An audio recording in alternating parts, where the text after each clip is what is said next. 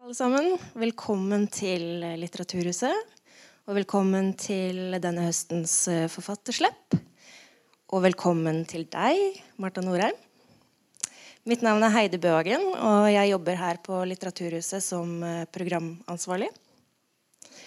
Marta Norheim er for de fleste kjent som kulturjournalist og kritiker i P2. Men hun har også skrevet flere bøker om litteratur og kultur.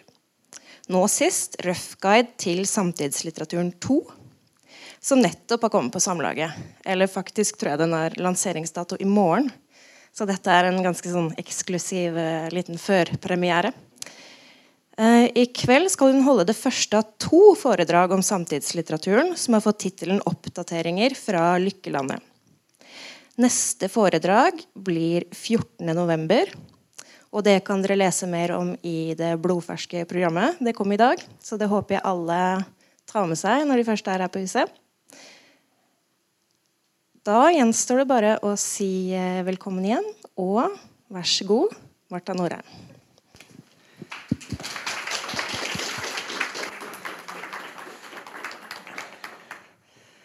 Takk skal dere ha. Nå skal dere ha kommet på lyd. Eh, er det bra?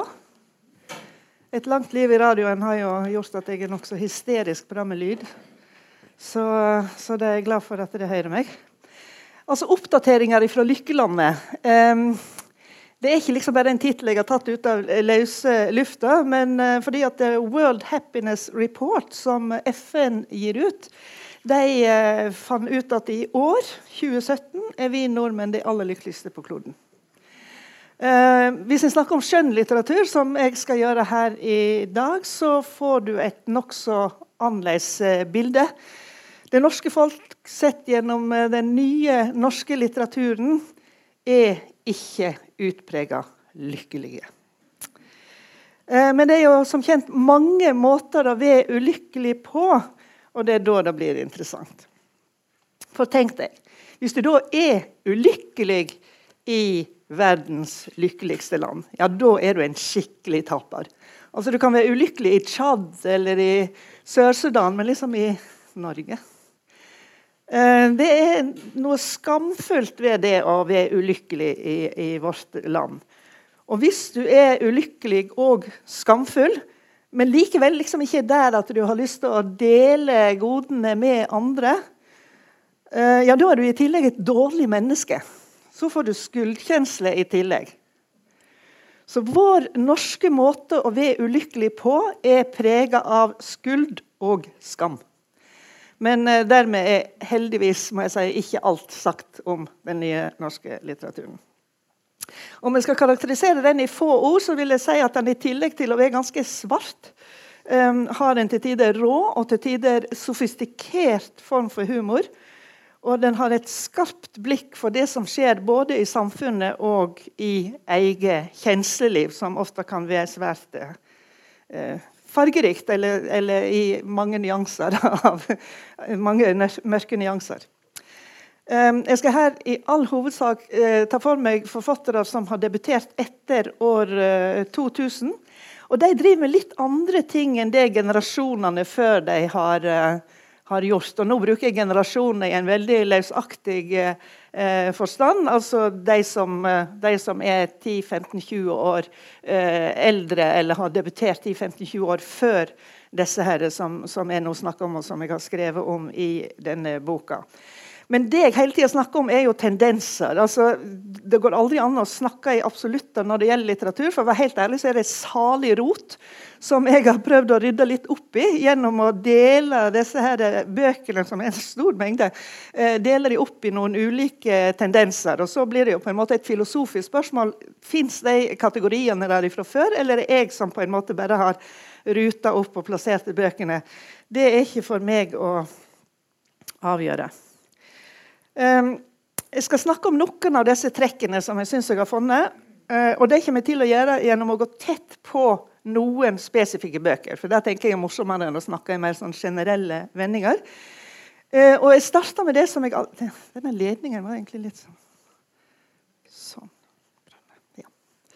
Jeg starter med det som jeg allerede har nevnt, nemlig skuld og skam. Og Der har vi ei bok som 'Norsk sokkel' av Heidi Linde. Der blir vi ført inn i et løst nettverk av personer. Det er en kollektiv roman. Folk bor i fem ulike norske kommuner. Det er ikke så viktig, det kunne vært fem andre norske kommuner. Ehm, det har altså ingenting med, med oljeutvinning å gjøre, eller egentlig kanskje likevel indirekte. For dette her er en uhyre presis eh, tilstandsrapport fra den norske velferdsstaten. Som i løpet av de siste tiåra har eh, slusa store summer fra oljeutvinninga til nesten hver og en av oss. Olja har smurt eh, hjul og gjenger i, i samfunnet. Og Hvert kapittel Linde eh, åpner med et sitat der staten formulerer målet med ulike sosiale tjenester. Det kan være fra en stortingsmelding, det kan være fra retningslinjene til et direktorat, eller det kan rett og slett være en lovtekst. Og Da får vi vite at uh, målet er å redusere negative konsekvenser av rusmiddelbruk for enkeltpersoner, for tredjepart og for samfunnet. Og vi får vite at Forskrifta om eldreomsorg har som formål å sikre at eldreomsorgen tilrettelegges på en slik måte at dette bidrar til en verdig, trygg og meningsfull alderdom. Og Herifra så hopper eh, Linde direkte ned på individnivå og ser hvordan er det nå med de som strever med rus eh, i nære relasjoner, som det heter, eller med gamle mødre som ikke klarer seg sjøl lenger. Um, det er uh, I møte med realitetene så får disse tekstene noe litt sånn tafatt kanskje over seg. Uh, og Det er ikke fordi at staten fer med store ord og feit flesk mens, uh, mens han lar folk vansmekte. Men det er noe med at livserfaringer som rus, tap av foreldrerett, gamle foreldre osv. Så sånn, det er rett og slett ikke enkelt å takle. Selv om velferdsstaten støtter opp under sånn at Eh, det blir eh, noenlunde håndterbart, så fins det ingen kur verken for aldring eller tap eller sorg eller død eller alt det som rammer oss på et eller annet tidspunkt. Ta Ragnhild, som hele sitt voksne liv har strevd for å hindre katastrofer og skjule skamma over at mannen er alkoholiker. Mye av identiteten hennes er knytta til akkurat denne oppgaven. Og hun syns av og til at hun kanskje ikke har fått igjen så mye som hun hadde fortjent etter den uh, innsatsen. Det er jo i seg selv en skammelig tanke at en driver og lager sånne uh, regnestykker. Uh, men så vil plutselig mannen på rehabilitering, og da blir alle glad. Unntatt hun Ragnhild. Fordi at hun har to ting hun er redd for. Det ene er at han har funnet en ny dame, kanskje, eller at han kanskje kommer til å finne en ny dame inne i sosial- og helsevesenet, der det jo er ganske mange av det. Um, eller at hun kan komme til å miste sin aller kjæreste uro, nemlig den uroa over eh, mannen som trenger henne så inderlig. For hvem er hun hvis han plutselig kanskje ikke trenger henne lenger? Eller ta Tale, som drar til Hellas på ferie, men blir slått av at det er så mange fattige folk der. Eh, og Hun føler at hun må hjelpe, men hun kløner stort sett til å lage problem for, for de som hun, hun, møter. Hun skammer seg over at hun er hvit og rik. Mens mannen sier litt sånn kynisk det er det jo tross alt når du er hjemme også. Tale. Det er jo riktig. Um, hun skammer seg over at hun hele livet har tenkt at hun er en sånn som skal berge de fattige. Uh, men hun har liksom ikke ordentlig kommet i gang med det. da. Um, så da går hun rundt og, og, og i Hellas med uh, settler i alle lommer og med en temmelig dårlig feriestemning. Den siste fra denne boka som jeg synes er veldig interessant, da, det er den vellykka tobarnsfaren Christian som har fått alt han kunne ønske seg i livet, og mer til. Men så har liksom, han har mista noe på veien. da. Um, og så ser han på Facebook at en ganske fjern bekjent har fått kreft, og han skriver om denne, denne uh, kreften og hva den gjør med familien. og Der treffer en nerve igjen. Han forsøker å forestille seg den nye tilværelsen, frykten for døden, det intense ønsket om gode nyheter. Han og Synnøve i senga om kvelden, tett inntil hverandre. Synnøve som sier 'Dette skal vi stå i sammen'. Og det eneste de drømmer om og ønsker seg i hele den vide verden, er dette. At en lege med myndighet og overbevisning skal si 'du er kreftfri'. Christian blunker igjen. Han tenker 'jeg er jo kreftfri'. Det skal en sterk rygg til å bære gode dager i verdens uh, lykkeligste land. Og jeg tror at De som ikke kjenner seg igjen på et eller annet nivå i, i, i denne romanen, de er ikke helt ærlige. Eh, disse helt vanlige folkene de ber på kjensler og, og, og, og, ting som er egentlig skammelige. Du kan, liksom, du kan, ikke ønske deg at mannen din ikke skal ta rehabilitering når han er eh, alkoholiker. Og, du kan liksom ikke ønske deg kreft. Det er veldig skammelig å ønske seg kreft for å få et bedre familieliv. Um, det er bare vi som får vite det. Og Det er jo en av de fine tingene med litteraturen. At du får liksom inngang til eh, det forbudte og det hemmelige og det eh, skamfulle eh, som, som, folk eh, bærer på. Og så har du journalisten Elisabeth Brenner i 'Samtale venter' av Marit Eikemo. Et vandrende katastrofeområde. Um, hun velter seg inn i skammelige situasjoner absolutt hele tida. Um, hun har vært, gått på en smell, som det heter, og skal rehabiliteres og komme inn igjen i yrkeslivet nå i en alder av 37 eh, år. Eh, hun er litt usikker på om det er en god idé, men velferdsstaten sier at eh, dette må til. Og så er det et dialektprosjekt ved Universitetet i Bergen som fatter interesse for henne. For de skal ha dialektprøver. Og så tenker jeg at En journalist kan jo ta disse dialektprøvene, og så, og så kan de forske på former og og, og, og talemåter. Eh, så hun blir oppfordra til å ta ganske eh, nøytrale tema. For liksom hva de sier, er ikke så interessant som, som liksom måten de sier det på. Men gjennom sin unike mangel på intervjuteknikk så får Brenner det dialektforskerne ikke vil ha mørke løgndommer, ting som er skjult, og som må forbli skjult hvis ikke samfunnet skal gå helt i, i oppløsning. Så hun må jo slette disse dialektprøvene, for hun kan ikke sende det videre. Det ville blitt skandale. Um, mens på Facebook der lever Elisabeth et uh, veldig spennende liv tett på forskningsfronten. og... Uh, og har både kjæreste og venner. Og Det er jo de tre tingene som virkelig gjelder. altså Karriere, kjæreste og venner. Eh, for selv om, selv om, staten er der og hjelper til når det ikke går bra, så er det jo noen veldig klare kriterier for hvordan du skal være eh, vellykka, som eh, jeg nevnte innledningsvis. Så da, da havner, havner da folk inn i en litt sånn krevende situasjon med noen sånne litt sånn diffuse, diffuse krav og noen diffuse plager. Noe jeg ikke skal snakke om her i dag, er alle som er syke. Det er utrolig dårlig helsetilstand i norske romaner.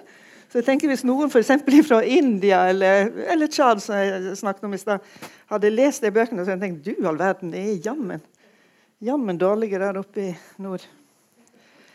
Um, jeg skal si litt nå om uh, Nå hopper jeg altså Jeg gjør, jeg gjør to-tre hopp her nå. Eh, og Nå har jeg snakka om skuld og skam, og nå hopper jeg til naturen. For naturen er tilbake igjen i den nye norske litteraturen etter å ha vært bortimot fraværende i, i flere tiår. Og grunnen til at den kommer tilbake, igjen er jo selvsagt at den er blitt et problem for oss. Eh, det kan jeg jo tenke mye om, selvsagt, men, eh, men, vi kan ikke lenger ta naturen for gitt, sånn som vi kjente den eh, før i gode, gamle dager. Vi har fått en klimakrise på nakken. Eh, og dette er en frodig og ganske ny litteratur. Um, eh, det meste er lagt til, til eh, framtida. Og her er jo forfatterne på, på, linje med den store bølga av eh, filmer og TV-serier som skildrer eh, apokalypser og kollapser og sammenfall av sivilisasjoner og kulturer og bygninger og hus og flodbølger og alt dette her, som ofte er veldig, veldig visuelt på eh, film. Eh, det er ikke like visuelt i, eh, i litteraturen. Så, så uh, forfatterne interesserer seg litt mer for sånne lange linjer. og De tar gjerne sånne forskningsrapporter og prognoser og så drar de et stykke inn i framtida. Så ser de hvordan er naturen da, og hvordan blir det å leve under slike forhold. Uh, dette er en uh, veldig variert uh, litteratur, men, men det er dystopiene som dominerer, for det blir verre. Det er alle enige om. Det blir verre. Men det er grader av verre. For så har du en interessant forfatter som heter Peter Franciscus Strasegger.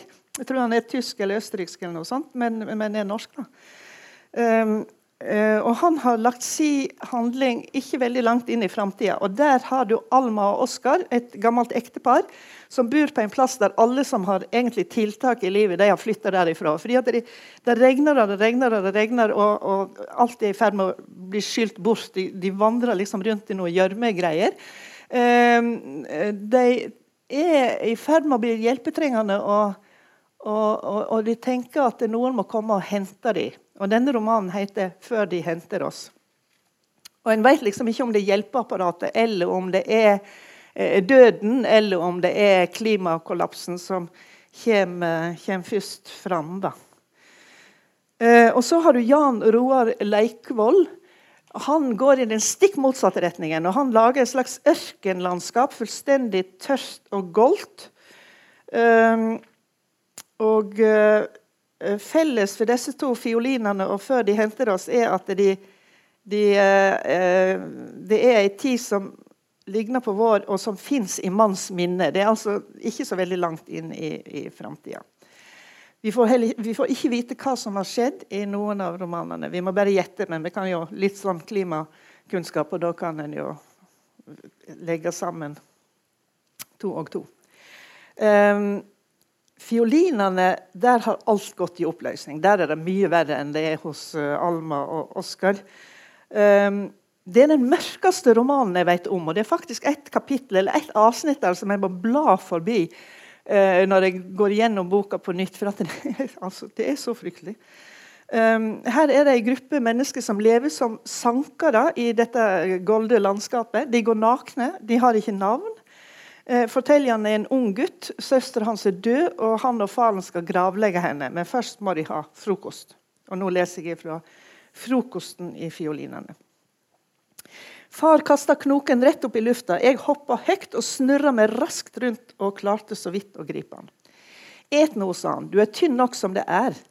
Jeg huka meg halvt i lys, halvt i skugge og åt og glemte for en liten stund grava hendene våre skulle grave. På den ene sida av den halvhvite knoken var det fremdeles litt muskelrester, våte og slevete etter far min sin krevjende munn. Og svolten kom de mer jeg tog. Jeg trang kraft og styrke for denne dagen. Det peip og rumla i buken hver gang jeg svelgde og saug. Jeg åt like fort som alltid, mens øynene gikk att og fram for å se om mor skulle stjele knoken fra meg, eller om far ombestemte seg og ville ha han tilbake. Men far setter seg ned framfor karet med grumsete vann som mor henta mer av hver dag. Og slik han satt og drakk av hendene sine, så jeg den tunge og røde pungen mellom de hårete beina og lurte på om jeg kom til å få en slik en dag. Far er en sterk og brutal mann med stor pung, og derfor er han også en mektig mann i flokken. Og det er bra når de må kjempe imot andre flokker om svært begrensa ressurser. Dette samfunnet er ikke bare postapokalyptisk, det er også posthumant. Um, det er liksom et tynn stripe av håp her, eh, representert ved denne unge gutten, som aldri kommer til å bli så stor og bøllete som far. Det er tvert imot eh, sannsynlig at han ikke kommer til å overleve barndommen, for han er rett og slett en for følsom eh, gutt. Men så er det disse fiolinene. da. Hvor hen kommer de inn i bildet? Bestefaren til gutten har en fiolin. Bestefar spiller av og til på denne fiolinen og minnes de tid da de spilte fiolin i lag og folk dansa. Faren til denne gryntende mannen som liker å eksponere ballene sine, han var i ungdom en del av en kultur som har fellestrekk med, med vår. Det vil igjen si at I løpet av 50-60 år har en kultur lik vår egen blitt helt borte. Uh, jeg syns det er interessant hvor fort han tenker at denne her dehumaniseringa eh, går. Altså I løpet av bestefars levetid så har byggverk, infrastruktur, eh, institusjoner som skole og sykehus, politivesen og politisk styresett alt dette er blitt borte. Kunnskapen om det er også blitt borte, bortsett fra i minnet til gamle folk. Og de, de kan ikke klare å formidle det videre på en skikkelig måte. Av dette kan jeg slutte ganske mange ting. Bl.a. at uh, mennesket trenger et samfunn med normer for å verne de svake og holde sivilisasjonen sånn noenlunde på plass. Vi blir ikke edle naturmennesker hvis kultur og sivilisasjon forsvinner. Tvert imot blir vi brutale bøller eller redde undersåtter. Dette er typisk for mange av de nye romanene. De interesserer seg for hvordan en skal holde barbariet i taumene og ta vare på sivilisasjonen. Menneskenaturen bør en absolutt ikke stole på i, i, i, dette arbeidet. Jeg mener at Det har skjedd en ganske markant endring fra uh, 70-tallet, altså i løpet av den siste uh, generasjonen. Uh, for en generasjon siden så var det rent allment en større tru på gode og skapende krefter i mennesket som kunne utløses om en ble frigjort fra konvensjoner, fra et undertrykkende system, fra strenge normer. Nå handler det tvert imot om å bevare, passe på, holde på reguleringene, så det ikke glipper fullstendig. Jeg var for et par uker siden eh, på eh, eh, kapittel 17 i Stavanger. Eh, og Der hørte jeg en diskusjon med bl.a. Susanne Brøgger og Nina Bjørk, som er en svensk feminist, en generasjon yngre enn eh, en Susanne Brøgger. Eh, og det var ganske interessant, for at Brøgger var jo på 70-tallet en eh, sterk forkjemper for frigjøring av individet, frigjøring av seksualiteten. Kjempa mot eh, eh, kjernefamilien og prøvde å slå ut veggene i dette klaustrofobiske kjerneprosjektet. Mens Bjørk på sin side var opptatt av å bygge opp igjen disse veggene og, og ta vare på familiegrupper og ikke minst verne barna. Og jeg tenker Begge er tidstypiske for uh, sin uh, generasjon. Dette var ei lita sløyfe utenfor uh, klimaspørsmålet, men jeg skal inn igjen dit. Um, Strasseger og Leikvoll de konsentrerte seg om konsekvensene, enten det er veldig våte eller det er veldig tørre. Maja Lunde hun interesserer seg både for årsaker og for konsekvenser i eh, bienes historie. Nå er hun på trappene med en ny bok som heter 'Blå', tror jeg, og som handler om havet. Så hun går nokså systematisk til verk i elementene. Men, eh, men, altså bienes historie handler om bier og biedød. Eh, Formidla gjennom tre ulike historier om eh, bier og mennesker. En fra 1800-tallet, en fra 2000-tallet. Og så er det en som ligger i framtida eh, i Kina, 2098. En del av disse framtidsgreiene har nettopp dette ved seg at eh, Europa er fortapt, men kanskje det er et håp for Kina.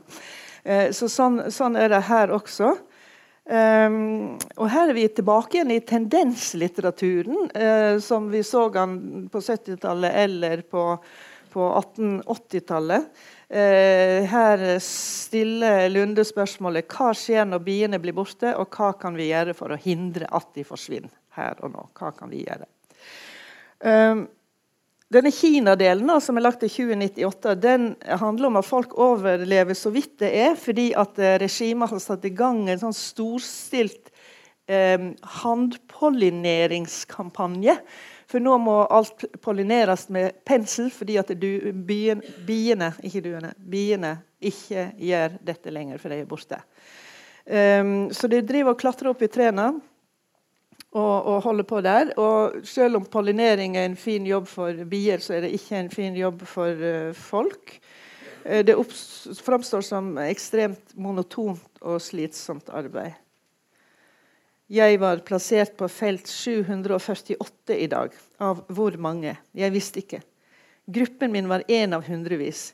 I de beige arbeidsdraktene var vi like ensartede som trærne og like tett på hverandre som blomstene. Aldri alene, alltid sammen i flokk her oppe i trærne eller vandrende langs hjulsporene fra ett felt til det neste. Bare innenfor veggene i våre egne små leiligheter fikk vi være for oss selv noen få korte timer i døgnet. Ellers var hele livet her ute. Og Her tenker jeg både på uh, biesamfunn, men kanskje vel så mye på disse filmene en har sett fra uh, Gulag eller fra fangeleirer, der alle går rundt i samme draktene og, og, og, og gjør uh, monotont arbeid. Uh, Framtida er ikke digital, hun er heller ikke elektrisk. Hun er manuell og svært lokal. En annen forfatter som, eh, som, eh, går med stor kunnskap inn i eh, studiet av hva det er som driver og foregår, er Mette Karlsvik og romanen 'Den beste høsten er etter monsun'. Og Der har vi først en del der det er en norsk jagerflyger som er stasjonert i Sikkimsdalen i Himalaya og driver og flyger med, med jagerfly utover dette, dette området, eh, fjellområdet i Nepal og, og, og, rundt der. Og Hun elsker å fly jagerfly og føler at hun da har virkelig kontroll over store krefter. Um, i den siste delen av boka der er det en lokal T-bonde som har uh, fått synsvinkelen. og For han er disse flotte kondensstripene over himmelen egentlig en ganske truende, truende syn. Fordi at han, uh, han vet at, uh, at, jorda blir surere, og han vet at det er noen kjemiske sammensetninger i denne jetfuelen som han ikke kan, eh, kan formelen på, men som han merker at det gjør noe med teen hans, den beste i verden. Um, og han vet ikke akkurat hva det er som skjer, men han merker at det er noe som foregår. Men han kan ikke gjøre noe med det. Jeg våkner fire timer for tidlig. Det klirrer i gammelt glass. Gigantlyd like over meg. Det må være Nato. Da jeg kommer på beina, ser jeg at glasset er helt. Sotsvarte fingermerker kladder til skyene. Spørsmålet er ikke hvor mye karbon som er i disse sporene. Fotosyntese omdanner CO2 til O2. Bare syntesen som skjer i Sikkims skoger, bruker Sikkims utslipp. utslipp. NO2 blir omdannet til nitrat i jorda. Vi vet det fra enkle tester av jordsmonnet. Men hva andre stoff finnes det i jetfuel? Det er spørsmålet vi ikke får svar på. Så her går, vi, går hun veldig detaljert inn både i dette jagerflyopplegget og den fascinasjonen omkring disse store og, og, og, og sterke flyene, og inn i eh, dyrking, planting, stelling, høsting, tørking osv. Av, av denne teen. da den gamle romanleser som ikke er så veldig opplest på kjemi, trenger i grunnen ikke å forstå alle de kjemiske formlene. Jeg tenker De er der mye for å vise den kompleksiteten som, som finnes der, og hvordan små forskyvninger kan skape kjedereaksjoner som gjør at eh, F.eks. denne bonden i kanten av sivilisasjonen mista, eh, mista levebrødet sitt. Så jeg syns det er sjelden jeg ser demonstrert så tydelig hvordan eh, verden ser annerledes ut om du ser den nedenfra eller ovenfra. Her er det ikke som en metafor, men rett og slett helt direkte, altså fra himmelen eller ned fra, fra åkeren, eller hva en kaller den. Plantasjen, kanskje det heter når det er til. Jeg skal si litt til om en siste klimaroman. Den heter 'Steffen tar sin del av ansvaret' og er skrevet av Christian Valør. Altså, det er jo sånn at Klimalitteraturen den er ikke utpreget humoristisk. Um, den er veldig alvorlig. Um, men uh, Steffen er uh, morsom, uh, og også maner til ettertanke, syns jeg. Altså, han er en nyfrelst klimaentusiast som drar på familiehytta for å leve klimanøytralt. Eh, nå er ikke familiehytta ei eh, koie i skogen. Det er en, eh, en, et flott hus med, med, varmekabler i gulvet og, og, TV og til og med elektrisk eh, boksåpner, noe som er utfordrende for han som ikke skal bruke elektrisitet. Så han bruker adskillig tid på å sage toppen av en hermetikkboks for å få i seg noe hermetikk. Han klarer nemlig ikke verken å fiske eller å, å, å sanke noe som helst ifra naturen. Dette er en mann som ikke har eh, peiling. Så han blir sittende i nokså stummende mørke og ete mais fra boksen og, og se hvordan mobiltelefonen liksom langsomt feider ut. Han vurderer å, å, å sende teakmøblementet eh, tilbake til regnskogen, for han får dårlig samvittighet når han ser på møblene deres. Um, han har ikke peiling. Kjersti har sagt at hver gang du trekker ned i do, bruker du like mye rent vann som ett barn i Afrika kunne levd på i ett år. Eller en uke. Eller en dag. Uansett tidsperspektiv. Jeg må bæsje utendørs. Um, han kan ikke dette med proporsjoner og sammenhenger. Og, og, og hans, uh, hans, offer for, uh, for barna i Afrika er jo høyst symbolsk, selvsagt. Eh, han kan bitte litt om klimakrisa, men han vet ingenting om hva som lever utenfor hans egen hyttevegg, eller hvordan han skal bruke det. Og, og han ser nok det sjøl, men han tenker at det, naturen, altså Når han på en måte tar sin del av ansvaret, så kunne naturen på en måte vist litt velvilje og kommet han i møte. Uh, så uh, han er litt skuffa der over at naturen liksom ikke tar sin del av ansvaret. da.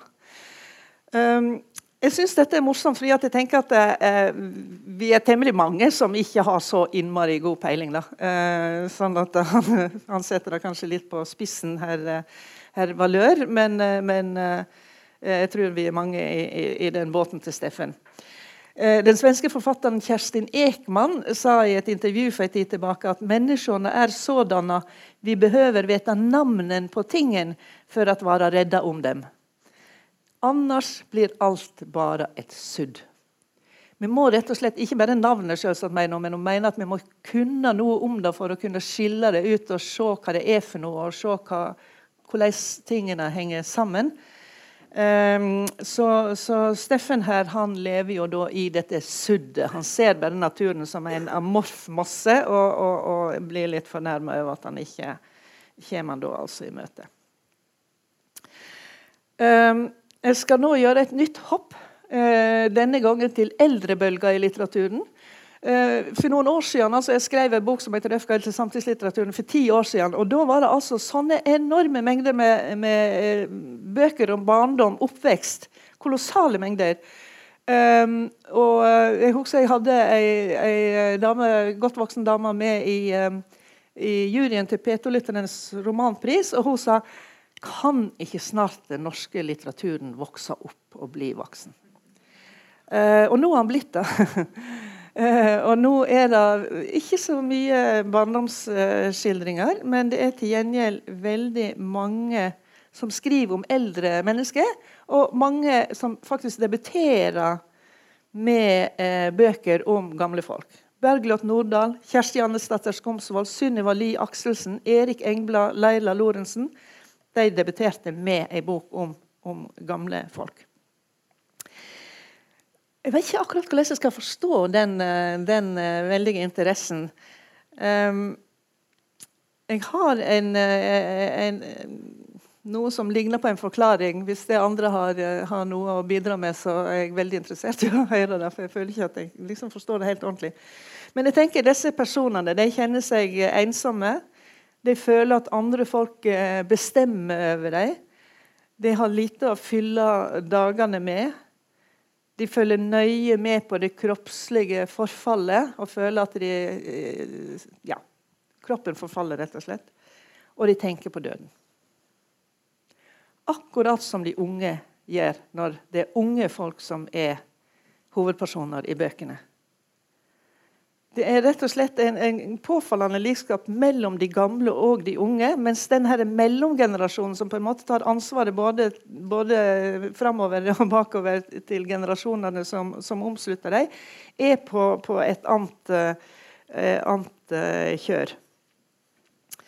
Um, de, de, unge som, eh, som, eh, skriver, har jo ofte en, eh, en karakter De som skriver om et sånt personlig, personlig liv, altså med en, et individ i, som hovedperson uh, som føler seg alene, det, det, er ikke ja, det er kanskje nesten den mest dominerende enkelttypen uh, i den nye litteraturen. Jeg tror jeg kan si Jeg sier det, jeg har ikke talt opp, men, men den, er, den, er, ganske tydelig, iallfall. De er redde for det kroppslige forfallet. Det handler om å legge på seg ofte. Det handler om å se etter, etter rynker. De tenker at, at de de er redde for å bli syke, de er syke, de tenker at de kan dø. De tenker at hvis ikke noe alt hjelper, så kan det jo iallfall ta livet av seg. Altså, de er litt sånn inne i den samme sonen som, som, disse eh, gamle. Um, I tillegg så har denne her uh, skildringa av 'the second childhood' som, som uh, Shakespeare snakker om, noen interessante språklige ting ved seg. fordi at eh, en del av disse personene som nærmer seg døden, de Eh, der ser du at det, eh, språket rett og slett eh, løser seg opp, og ting kan bli ganske eh, ganske eh, ligner mer og mer på et slags modernistisk dikt, eller der på en måte lydsida av språket begynner å dominere på bekostning av innholdssida i språket. At liksom ordene bare kobler seg sammen i sånne lydlike rekker heller enn å liksom koble seg på det som de, de prøver å, å, å, si noe om. Da. Og da tangerer jo denne, denne tilstanden eh, noe gåtefullt. altså Den nærmer seg en tilstand som vi egentlig ikke kan helt forstå, og de som er der, kan ikke helt forklare eh, hva det er som skjer. I tillegg altså, så er det jo noe med at eh, tragedie og komedie er jo deler av samme mynt når en, når en har med svært gamle folk å gjøre. Og, og, og, og det er atskillig komikk i, i, disse bøkene her. F.eks. hos Sunniva Ly Akselsen, en veldig interessant forfatter som jeg ikke skjønner hvorfor jeg, hvorfor jeg er så ukjent som hun faktisk er, tror jeg. Uh, følg med i alle mine dager. Uh, der møter vi en dame som lever i fortida i dobbel forstand. Altså lever i historisk fortid og lever i sin egen uh, fortid. Samtida er veldig fjern. Det er den fjerneste tida, egentlig. Den ser gjennom vinduene, og hun har en veldig klar følelse av at samtida er egentlig ikke noen ting for henne. Og det er ingen der som vil henne vel. Verken naboen som banker på og som glor liksom inn i leiligheten hennes eh, når hun åpner, eller postmannen som aldri leverer post. altså lurer på Hva har en postmenn for når de aldri leverer post? Veldig mistenksom overfor han. Eller vaskehjelper som legger ting på feil plass. Um, så hun prøver å være slu tilbake. Noen kom på døren i formiddag igjen, sannsynligvis iført lampeskjerm. Men jeg ropte at ringeklokken var i ustand, så der lurte jeg dem trill rundt. Um, Senere konstaterer hun at det har flytta inn en kjøttmeis på badet. Meget pen og jevn i fargespillet, skriver hun om den. Uh, så det, altså, Jeg vet jo ikke akkurat hva det er for noe der inne på badet hennes. Men så går dette språket i oppløsning. Mye å gjøre. Mat, mat, mat. Pepp og ata. Gif og lysol og nylonvask og perleringer til ørene, til ørene, til kjøttmeis, spurv og rev. Revepest. Fryktelig, fryktelig. Pistre tale og hate naboene. Vanvittig rev. Lusker i haven. Venter på meg, spiser meg, spiser meg. Huff. Mat, mat, mat. Bleie, bleie på, bleie på gulvet, bleie på gulvet, bleie på gulvet, bleie på gulvet. Nei, nei, nei, nei, nei, nei. nei. Mat må man ha. Mat i pøs. Pøs på pøs. Pøs. Ikke ut av vinduet, ikke ut av vinduet. Ikke dit, ikke dit, men dit, dit, dit. Altså Her er hun inne i denne, en litt sånn panisk og, eh, og eh, u, ukontrollert situasjon. Da. I romanen 'Setningsstadiet', 'setningsskade', har Laila Lorentzen gitt ordet til eh, den syke og etter hvert døyende eh, Bjørn, som til liks med denne eh, kvinna i eh, 'Følge meg i alle mine dager' eh, nok har vært en enstøing hele livet. han har to prosjekt eh, i livet. Det ene er mor. Han har en veldig sterk morsbinding. Og det andre er huset. Han har bygd et hus, og det fyller livet hans veldig, spesielt etter han har slutta å jobbe. Jeg la fra meg fjernkontrollen og gikk bort og plukka opp batteriet. Så stilte jeg meg midt på gulvet og la batteriet forsiktig ned. Hjertet banka i brystet. Så slapp jeg det. Igjen trilla batteriet over gulvet i en akselererende fart mot lista. Jeg kunne ikke tro det. Det var som en sjakt åpna seg. En gufs slo opp i meg. Det kunne ikke være sant. Jeg satte meg på en stol og stirra på gulvet og alle vegger og opp i taket, og hvordan tak og vegger møtte hverandre, særlig i hjørnene. Gulvet i huset hans er skeivt. Det har fått setningsskade. Eh, og Da er det egentlig setningsskade både inni og, og, og, og utenfor eh, Bjørn, for dette er mer enn det stakkars Håvans kan tåle. Han er en av de få i norsk samtidslitteratur, og sannsynligvis i litteratur i det hele, som, som dør i en roman i første person entall. Det, når jeg tenker over det, så er det egentlig ganske godt, uh, ganske godt gjort. Men uh, når han, uh, når, i dødsøyeblikket så ser han altså mor i den fine kjolen og huset i fullkommen stand. Bada i et lys. Og bedre tror jeg ikke det kunne bli for, eh, for Bjørn. I den helt andre enden av skalaen finner vi en figur uh, skapt av Lotta Elstad. Hun heter Anna Louise Germain, jeg vet ikke hvordan det uttaler Millisdotter.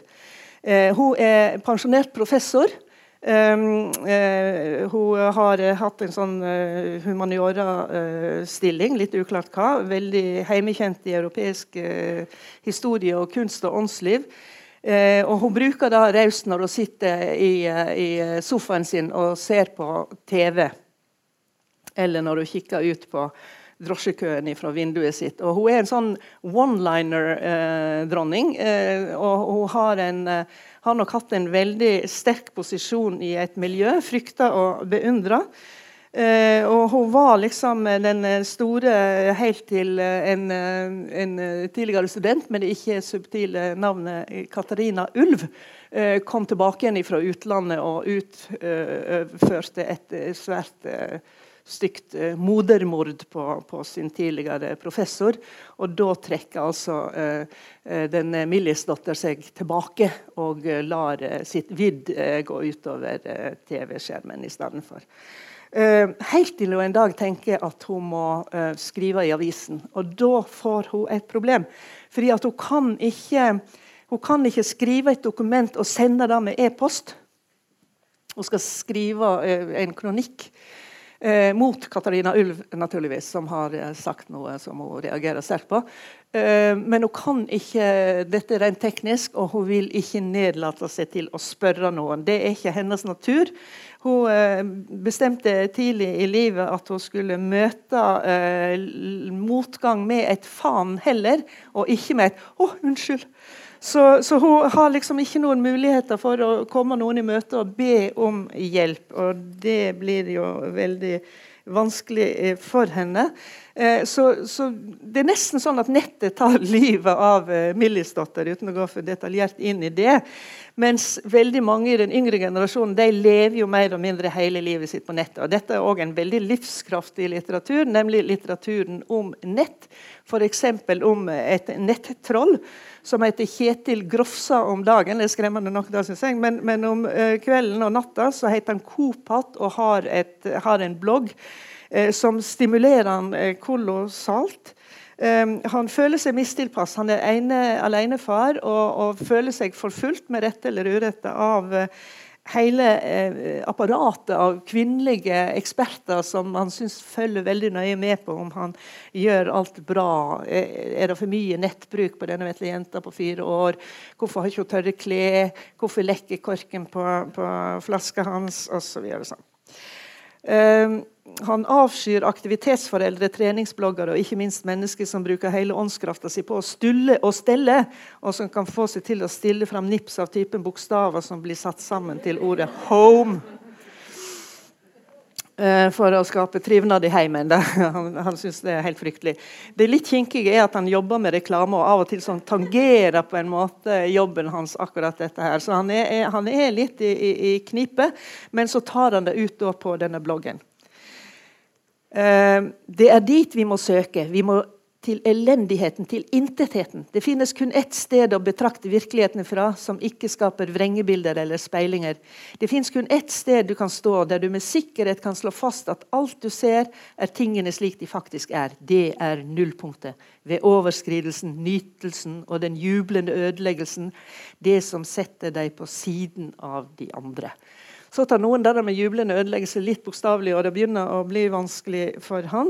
Eh, samtidig som han eh, får venner og følgere som, eh, som eh, liker han, og han kjenner at han må egentlig ha stadig sterkere doser av, eh, av eh, ros for å liksom få samme rusen. Så han, han, blir på en måte dratt inn i en, en veldig dramatisk retning på denne bloggen. Og Når det gjelder dette her med nettroll, så er det jo to metaforer som, som blir brukt om dette. her. Det ene er det trykkokergreiene. Altså at det, du, du, må liksom lette på trykket sånn at det kommer ut. Og, og der er det jo det med troll egentlig en, en, en metafor som, som, støtter opp om det. En tenker jo at trollene, hvis de kommer ut i lyset, så dør de.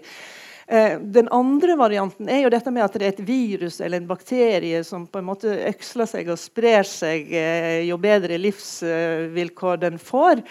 Og, eh, og Kjetil Grofsa han er egentlig litt i denne siste siste varianten, for han blir veldig stimulert av dette her, og, og går lenger enn han egentlig tenkte, for at han føler at han trenger, trenger denne her, denne her, dette skrytet. Så det kan jo godt hende at uh, Grofsa uten blogg hadde vært som en trykkoker uten ventil, men, men det kan en egentlig ikke lese ut av uh, boka. Um, både han, Kjetil sjøl, og dattera Ingrid, som er fire år, har sine beste stunder med nettbrettet sitt. Da er de liksom i, i sitt S, eller PC-en. da. Eh, Marit Eikemo har òg skildra ei, mor og ei datter som har sine beste stunder ved nettbrettet i, i boka, alt inkludert.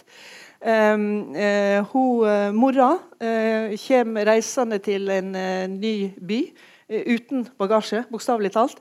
og har leid et hus som skulle være møblert, men det er tomt som et eggeskall inni. Og hun må på finn.no for å, å, skaffe seg ting.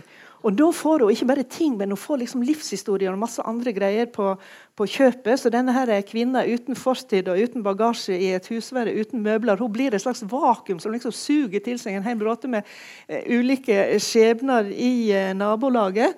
Der du har den utbrente mammabloggeren. Du har hun som går med halskrage uten at hun egentlig trenger det. Det er litt sånn som han eh, hos Dag Solstad som frivillig satte seg i en rullestol. Um, du har uh, politimannen som gir bort møblene til kona si, men som skal ha noe i retur. Og Der dukker det opp et kjempeproblem. Det som liksom er gratis på nettet, det er liksom ikke likevel helt gratis. I den nye bytteøkonomien så må alle legge noe i potten. Det kan være livshistorier, det kan være sex, det kan være praktisk hjelp, det kan være omsorg. Og det å vite hvem som har krav på hva, og i hvor store mengder, det er en stor kunst. Og Den kunsten mestrer ikke Agnes. Den kunsten mestrer heller ikke Elisabeth Brenner, som jo var eh, denne katastrofejournalisten i, uh, i uh, 'Samtale venter'. De skjønner ikke de der, de der regnestykkene som plutselig dukker opp. og, og der de plutselig står i, i gjeld på veldig diffuse konti. Um, det kom to finn.no-romaner samme året, i 2015. Den andre eh, finn.no-romanen eh, er skrevet av Victoria Durnak, og den heter 'Torget'. Enkelt og greit. Torget. Og Hun er i en litt annen situasjon enn en Agnes. Eh, Elin heter hun. Hun er 25 år. Eh, og Hun er så fryktelig glad i å handle på nett, og så har hun altfor mange ting. Og så finner hun på en ny profesjon, særlig siden hun har mista jobben sin og slått opp med kjæresten. Så, så, trenger hun sosial kontakt, og den sosiale kontakten vet hun at hun kan få gjennom finn.no. Men nå skal hun være den som transporterer de gratis tingene fra den som vil gi dem, og til den som skal få dem. Eh, og, og, dette er jo en kjempeidé. Men, men der får du jo også dette samme eh, liksom eh, uklare eh, hva skal du si, Den veldig uklare tilstanden. altså Hvem er det som skylder hverandre noe i, i, i denne transaksjonen her, da?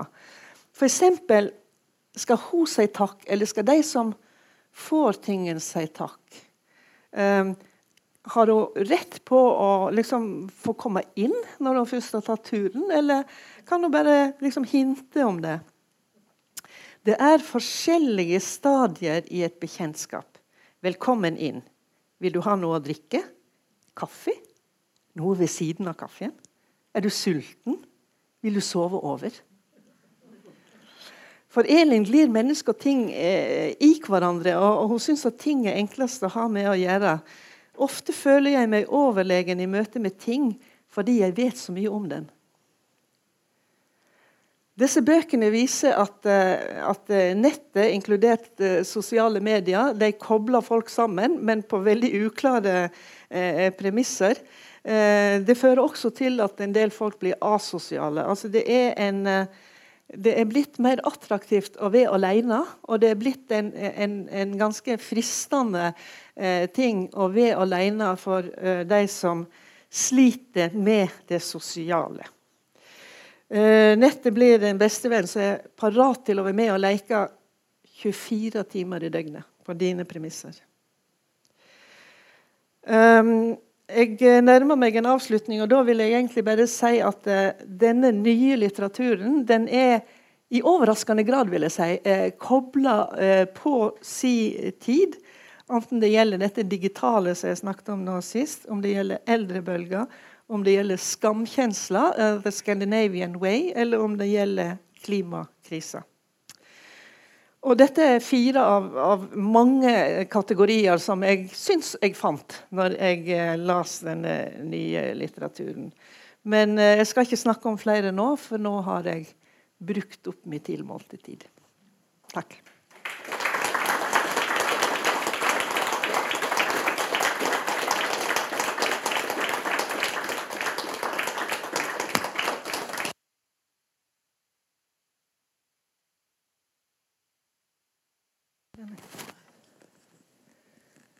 Hvis det er noen spørsmål eller noen forslag til hvordan en skal forstå ting, eller protester, innspill, hva som helst Ja?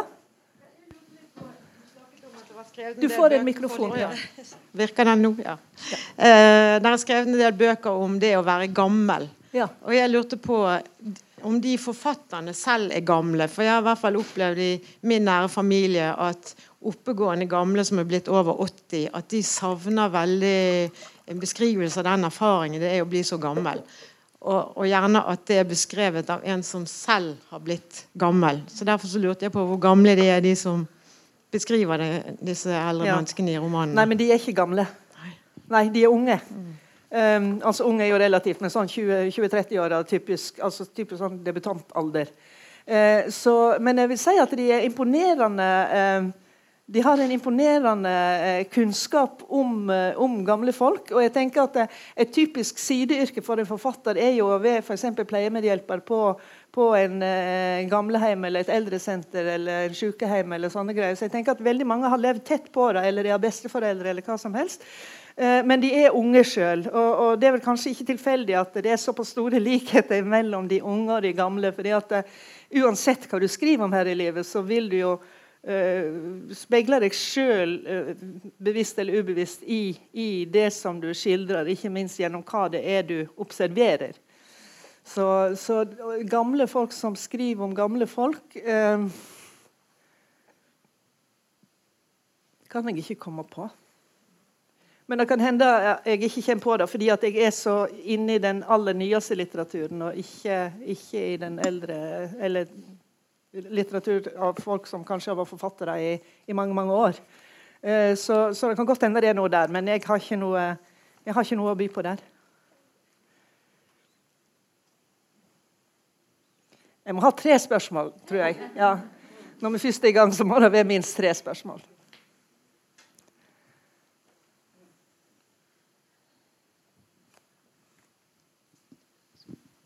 Hei. Ja, et av de store temaene i analysen av eh, samtidslitteraturen har jo vært eh, spørsmålet om virkelighetslitteratur. I hvor stor grad syns du eh, den eh, litteraturen du har eh, undersøkt, er virkelighetslitteratur? Nå foregriper du nesten mitt neste foredrag som skal komme og holde i midten av november. Men det er overraskende lite av det. Det er veldig lite av det i den aller nyeste litteraturen. Det er de halvgamle som skriver om virkeligheten og om, om uh, livene sine og, og, andre sine liv. Det er veldig lite av det. Og, og der, der, det er noen som skriver om det, så skriver de vanligvis om altså seg sjøl som uh, altså et sykdomsforløp, fordi at de er jo, som jeg sa, veldig syke. Så det er mye der det, mye der det ligger. Men, eh, men, det er et veldig interessant spørsmål uh, som, som, som, har opptatt meg en del. fordi at en får jo inntrykk av at det er et uh, altomgripende eh, tema. Men, uh, men, det er faktisk marginalt. Ikke si det til noen, for dette, skal jeg snakke om neste gang. Et spørsmål til.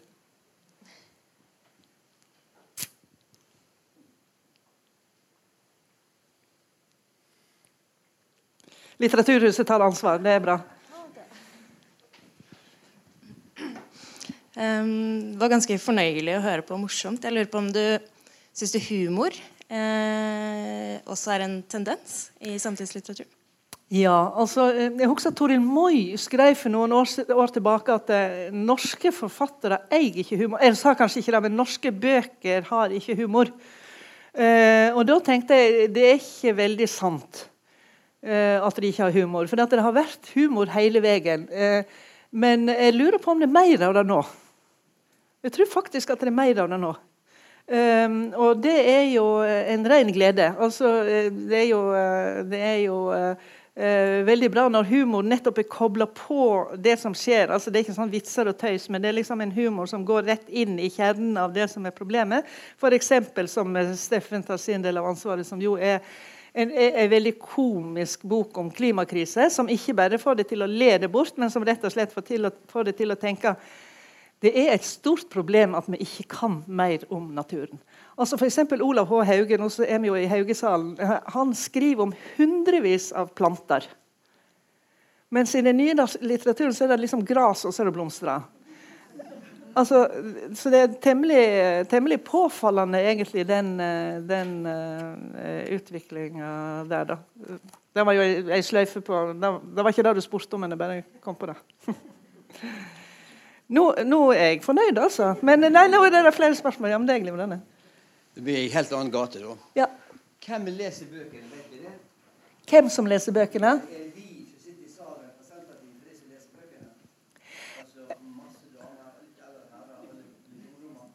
Ja. ja. Eh, det, det, er et spørsmål som, som eh, overstiger min eh, kompetanse. Uh, det eneste, for jeg har, ikke, jeg har, ikke, noe tall på det, men det eneste jeg vet, uh, er altså når vi har P2-lytternes romanpris, uh, som vi har hatt nå i 20 år, da får vi noen hundre svar fra lesere hver gang. Altså, det varierer jo litt hvor mange det er som svarer inn, men det er ganske mange til sammen. Da. og da er det helt påfallende at det, at veldig mange av mennene skriver ja, det trenger vel noen menn også. Sånn at de, de liksom byr fram seg sjøl som liksom den, eh, den, eh, den, eneste. Men, eh, men da er det ganske stabilt at vi får to tredjedeler kvinner og en tredjedel menn. Um, og så, uh, når det gjelder unge og gamle, så uh, um, er det over hele spekteret. Altså fra 19 og til 80. Det er vel liksom det spekteret vi har hatt med i uh, i, uh, i uh, prisen, men noen er 14 og noen er 90, og, og de, uh, de, har ikke vi hatt inne. Men sånn at du, du, har det hele veien, men dette er jo veldig små tall som du ikke kan lage statistikk på. Men dette er jo òg på den andre sida folk som er ganske interessert i litteratur. da. Så, så, i min statistikk så er det to tredjedeler kvinner og en tredjedel menn. Jeg tror Hvis du hadde gått til sakprosa, så ville du fått en litt annen fordeling. fordi at Eh, eh, jeg tror at flere menn leser sakprosa hvis vi skal gå på, på makronivå. Eh, men, men alle sorter fins i alle lesegrupper. Enn så lenge. Vi vet jo aldri hvordan det går. Litteraturen er jo si, altså Masselesning er jo en ganske ung, eh, ung aktivitet. Så det kan jo hende at den hadde sin tid, og så, og så feide den ut igjen. Og vi går tilbake igjen til mer en bildekultur. Så da får vi jo bare se hvordan det utvikler seg. Og med disse ord takk.